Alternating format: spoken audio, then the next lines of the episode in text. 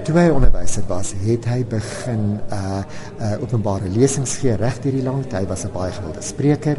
Uh en hy het altyd sy lesings begin deur te verwys na uh rotskuns en uh probeer vir die gehoor uh, te verduidelik hoekom dit uiters belangrik is. Uh, daar was wel 'n geleentheid, ek dink dit was in Potchefstroom gewees in 1919 of so uh, of daar rond waar die gehoor hom van die gehoor af van die verhoog afgeboot. Uh maar hy het uh, maar hy het uh, hy het volhard. Ek dink jy weet die opvatting destyds in die uh, uh, vroeg 20ste eeu was dat rotskuns uh, naïef is, dat dit primitief was en so aan, maar hy wou mense tot ander insigte bring. Sy uh, sy mede kunstenaar uh, wat ook verskriklik belang gestel het in rotskuns was Erich Meyer en soos jy weet Erich Meyer is die persoon wat Walter Battis aan rotskuns voorgestel het, uh, voor, uh, bekend gestel het en Walter Battis soos ons weet het 'n uh, fundamentele studie uit omtrent 30 jaar van sy lewe gewy aan uh die navorsing van Boesman kuns. Uit baie boeke gepubliseer. Sy eie styl is daarop gebaseer uh, op daai uitgestrekte verlengde Boesman figuur en so aan. So ek dink dis 'n baie interessante uh geskiedenis. Maar die tekening wat jy gesien het is een van 8 voorstudies wat hy gemaak het vir uh, sy heel eerste openbare opdragwerk Dit was in 1922 uh toe die Ficksburgse Hoërskool hom die opdrag gegee het om hulle skoolsaal te versier met agt panele. En toe het hy in die Oos-Vrystaatse landskap gegaan waar daar wel rots uh, tekeninge was. Hy het 'n studie daarvan gemaak een van hulle het jy nou daar gesien uh, op uitstalling en uh, die uh, die uh, die werke kan jy vandag nog besigtig by die uh, uh, uh, in Ficksburg by hulle hoërskool en ek het ook die panele afgebeeld in die katalogus uh, wat ek dink ook is uh, is belangrik om dit uh, om dit te gedoen het. In die literatuur het ek ook afgekom op verwysings dat hy dat Pierneef uh, uh, ontwerpe gemaak het vir tapisserieë wat sy vrou wel gedoen het gebaseer op rotskins wat sy vrou wel geweef het uh, en die is wel uitgestal in 1925 by 'n Empire uitstalling in Johannesburg maar ek self het nog op geen afbeeldings daarvan afgekom dis so uh, uh, maar uh, maar ek ek soek nog steeds ek soek nog steeds. So so dis baie interessant en ek dink uh, die hele punt van van sy uh, belangstelling in rotskins is daai vereenvoudiging van vorm en natuurlik ook die lynwerk wat vir my so kenmerkend van Pineef is. En hy hy het dit van die rotskuns gekry jy weet. So so hy is 'n man van die grond van die Suid-Afrikaanse aarde. Is Willem van Rensburg wat so gesels oor die Pineef uitstalling te sien hier by die Standard Bank galery. Julle paar werke waar mense sterk invloed van kubisme sien. Ja, ja. Dis ook uh, iets wat vir hy. Uh, uh ja, so een ding wat ek ook uh, baie uh, uh, graag wil verduidelik is dat ehm uh, uh toe ek die uitstalling uit uh, die uitstalling by ingebring het, was dit baie belangrik om die die uitleg van die galery in uh, in in in aanmerking te neem. En soos jy weet, is daar 'n sentrale uh, ronde sirkel uh, area uh, en dan die uh, die uitstalruimtes wat aangrensend daaraan geleë is. En dit was my eerste vraag, wat plaas ek reg in die middel? En dit is toe hoe ek op die vier panele die uh, die stasiepanele afgekom het. En ek het probeer om wel te kies daar was 28 om uit van te kies maar ek het die vier gekies. Eerste ene was uh, die die blik van Louis Trichardt en dit was vir die dramatiese wolke wat uh, die landskap domineer en ook sy belangstelling pioneerse belangstelling in uh, plaaslike uh, plaaslike boukens dan het ek byvoorbeeld 'n uh, 'n uh, 'n uh, uh, houtbos dit is die tweede paneel wat ek gekies het en ek het hom gekies vir pioneer se belangstelling in bome, die uitbeelding van bome en ook die landskap. Die derde ene was hierdie dramatiese aansig van uh, Tafelberg. Jy weet dit is 'n totale ander invalshoek. Dis nie daai tipiese uh uh uh geromantiseerde uh aan aansig wat ons altyd kry nie. Uh so dis sy belangstelling in hierdie majestueuse bergreekse. Uh en dan die vierde ene was uh, Premier Mine sy naam. Uh jy weet die myn sy belangstelling in die myn.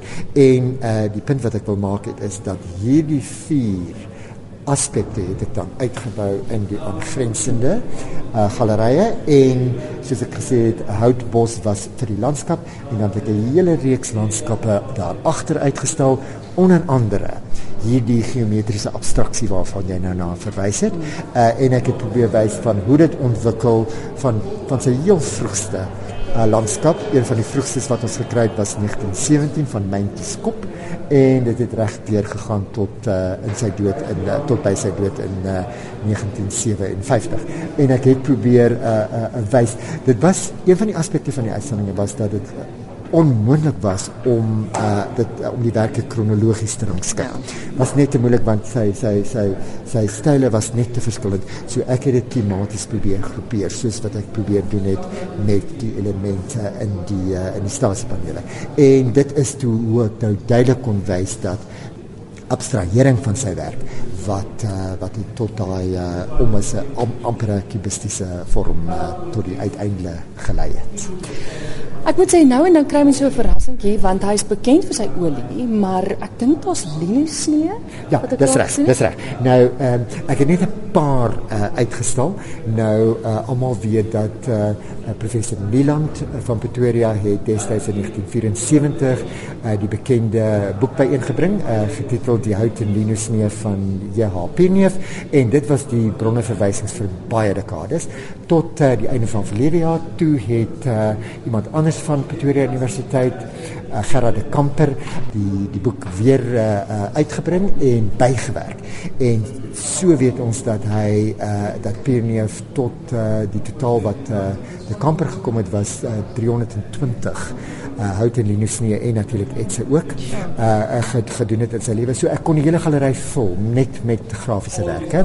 Uh maar ek het daardie uh, paar uh, ingebring net om te wys hoe by die kontras tussen wit en swart en natuurlik sy verbluffende lynwerk en natuurlik ook sy komposisionele aard. So uh, daar is wel kritiek en historiese wat meen dat uh sy grafiese werk het ook 'n geweldige invloed op hom gehad, jy weet. Uh en dan ook is dit verskriklik moeilik om byvoorbeeld te sê wat kom eers want jy erken dieselfde tonele jy weet in die in die in die grafiese werk jy erken dieselfde tonele so party van die uh, die druk drukke het na 'n skildery gekom party het voor hulle vooraf geloop ah. jy weet so dit is baie interessant om dit ook na te na te vors so dit vorm wel 'n integrale deel van die uitstalling maar soos ek sê ek kon die hele galery net met die druk drukke gevul het. Net soos wat ek en jy vir ure nog kan staan en gesels. Willem, tot wanneer toe is die uitstalling? Die uitstalling duur tot die 12de September. Die galery is oop uh, maandag tot Vrydag van uh, eh, 9:00 tot uh, 05:30 en Saterdag van 9:00 tot uh, 1:00.